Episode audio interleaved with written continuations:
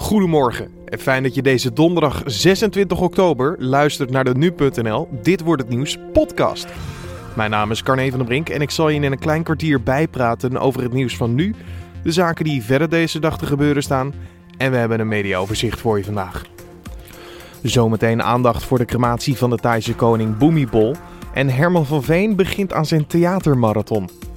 Maar eerst het belangrijkste nieuws van dit moment. Nederlandse technologie is mogelijk gebruikt in de massavernietigingswapens of raketprogramma's van Iran, Pakistan en Syrië. Dat heeft het kabinet aan de Tweede Kamer laten weten. Volgens de baas van de militaire inlichtingsdienst MIVD, generaal-major Onno Eigelsheim, is ons land bijna een supermarkt voor landen die dit soort wapens willen ontwikkelen.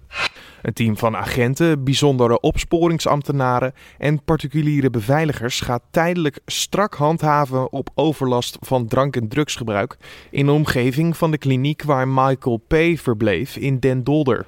Hij is verdachte in de zaak rond de dood van Anne uit Utrecht. Bijna 4000 Nederlanders zijn vorig jaar overleden door een noodlottige valpartij. Bijna 400 meer dan in 2015. Volgens het Centraal Bureau voor de Statistiek komt de toename voor een belangrijk deel door vergrijzing. De Braziliaanse president Michel Temer hoeft niet voor het Hoge Gerechtshof te verschijnen voor een aanklacht wegens corruptie. Het Lagerhuis stemde woensdagavond tegen het proces tegen Temer. Temer werd ervan verdacht geld te hebben aangenomen van de twee broers Batista. De broers zijn directieleden van JBS, het grootste vleesverpakkingsbedrijf ter wereld. Zij zijn vorige maand aangehouden en zouden niet alleen de president, maar ook 2000 andere politici hebben omgekocht. En dan kijken we naar wat vandaag de dag gaat worden, oftewel dit wordt het nieuws. Een jaar later neemt vandaag Thailand afscheid van hun zo geliefde koning Bhumibol. Bhumibol was de langste regerende monarch ter wereld. Voor de doorsnee Thai was deze koning heilig. En bij een belediging kon je nou redelijk wat straffen krijgen. Onder andere 15 jaar gevangenisstraf. Om te begrijpen hoe bijzonder deze crematieceremonie gaat worden, bellen wij met Oost-Azië-expert Rogier Busser van de Haagse Hogeschool. Want hoe belangrijk was deze koning voor zijn volk?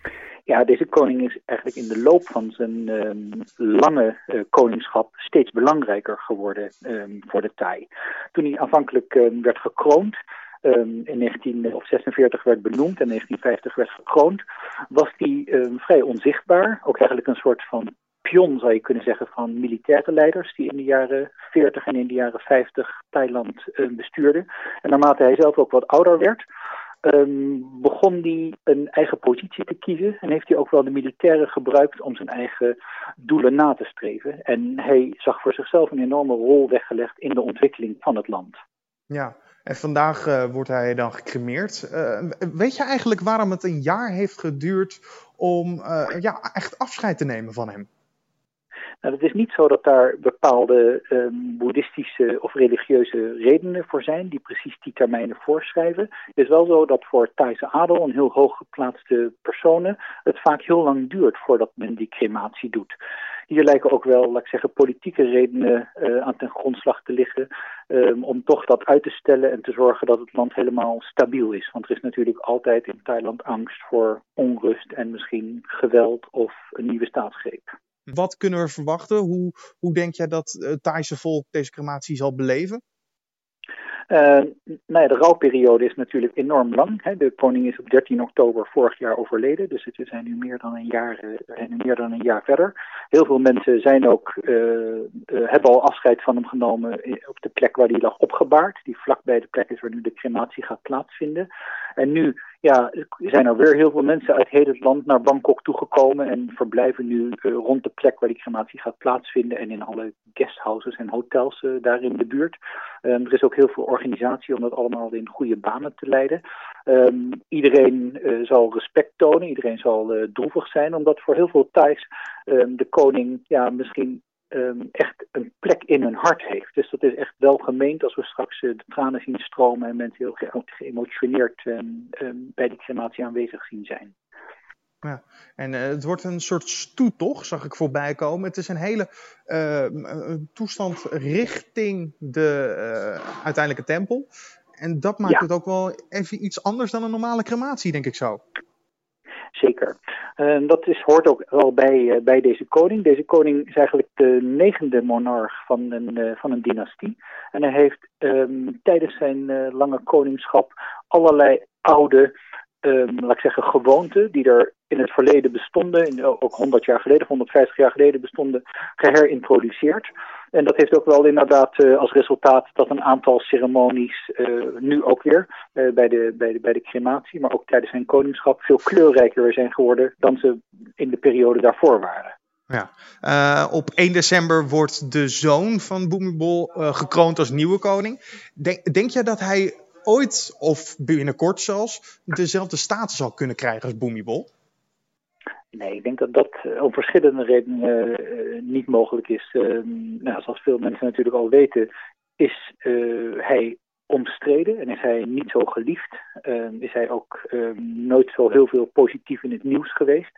Is hij ook een heel ander karakter dan zijn vader. Heeft hij veel minder, laat ik zeggen, er blijk van gegeven dat hij het land heel erg vooruit wil gaan helpen. Zijn vader was bijvoorbeeld, net als zijn, als zijn dochter, er bekend om dat hij alle provincies ongeveer, nee niet zo ongeveer, alle provincies heeft bezocht, heel veel provinciesteden heeft bezocht, allerlei landbouwprojecten heeft geadopteerd met zijn vrouw samen, soms projecten voor vrouwen heeft geadopteerd, echt aan grassroots uh, ontwikkeling heeft gedaan. En die zoon die heeft dat tot nu toe uh, veel minder gedaan. Uh, staat bekend um, dat hij voor een groot deel ook in Duitsland leeft. Um, het doel is nu eerst een, een rustige overgang naar een, naar een nieuwe koning. En hij zal beslist die rol van zijn vader tot een bepaalde hoogte gaan oppakken. Maar ook wel gezien zijn leeftijd en zijn verleden lijkt het onwaarschijnlijk dat hij die status van zijn vader ooit zal gaan evenaren. Je Rogier Busser van de Haagse Hogeschool. Bij Paleis Noordeinde zal vandaag weer een bijzonder schouwspel plaatsvinden.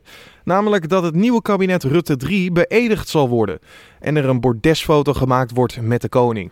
Wij vroegen aan nu politiek verslaggever Avi Nashbiki hoe zo'n dag precies verloopt. Nou, vandaag uh, is de presentatie van het nieuwe kabinet, kabinet Rutte 3. Uh, eh, we hebben de afgelopen week natuurlijk al gezien dat de formateur Mark Rutte de kandidaat bewindslieden heeft ontvangen. Nou, die hebben daar een soort formeel gesprek gehad, waarin nog naar voren is gekomen of zij nog iets te verbergen hebben. Nou, dat is dus nu gebleken dat het allemaal niet het geval is. Dus het is ook een beetje een formaliteit. Nou, vandaag is dus de, de officiële beëdiging. Dat zal gebeuren door de koning. Daar worden de ministers, de staatssecretarissen en natuurlijk ook de minister-president beëdigd. Nou, wat gevolgd wordt door de welbekende bordesfoto. Uh, met alleen de ministers en de uh, premier en natuurlijk de koning. De staatssecretarissen staan daar niet op. Het is natuurlijk een dag wat vol zit met uh, ceremonie. nou, ik heb al eerder verwezen naar die foto die genomen gaat worden, wat de mensen wel kennen. Maar bijvoorbeeld ook de overdracht, waar de oude minister zeg maar, de spreekwoordelijke sleutel van het ministerie overhandigt aan de nieuwe minister. En ehm, ja, later op de middag zal dan de eerste ministerraad plaatsvinden met het nieuwe kabinet. Um, voor de mensen die uh, nou, alles willen weten van vandaag, van de beëdiging, waar kunnen ze het beste het laatste nieuws volgen vanuit jullie kant? Dat is natuurlijk een beetje open deur. Hè? Dat moet natuurlijk via nu.nl. Wij zullen natuurlijk uh, uitgebreid verslag doen van de dag. Je kunt het natuurlijk volgen op de site waarin wij uh, verslag doen van uh, deze dag. Ben je nog benieuwd naar, de achtergrond van de nieuwe ministers en de staatssecretarissen? Wij hebben uh, profieltjes opgesteld van de nieuwe bewindspersonen. Ehm, dan kan je even kennis maken. Wat is de achtergrond? Wat is de studie? Wat is de bestuurlijke ervaring? Dus daar kunnen de mensen allemaal, allemaal ja, een kijkje gaan nemen. Kenia gaat voor de tweede keer in korte tijd naar de stembus om een nieuwe president te kiezen. De verkiezingen waren al gehouden in augustus, alleen de rechter verklaarde de verkiezingsuitslag later echter nietig vanwege onregelmatigheden. Oppositieleider Raila Odinga zegt de stembusgang te boycotten, omdat de kiesraad in zijn ogen onvoldoende maatregelingen heeft genomen om een eerlijk verloop te garanderen. En dan kijken we waar andere media vandaag over gaan schrijven. Onder andere dat landbouwhouders, ecologen, banken en de voedingsindustrie bespreken binnenkort het verdwijnen van soorten. Dat meldt De Trouw. Wetenschappers en natuurorganisaties gaan met de boeren en andere partijen uit de agrarische sector praten over de toekomst van de landbouw in Nederland. Het gesprek vindt volgende maand plaats en bedrijven als Rabobank, Unilever, Friesland Campina krijgen een uitnodiging.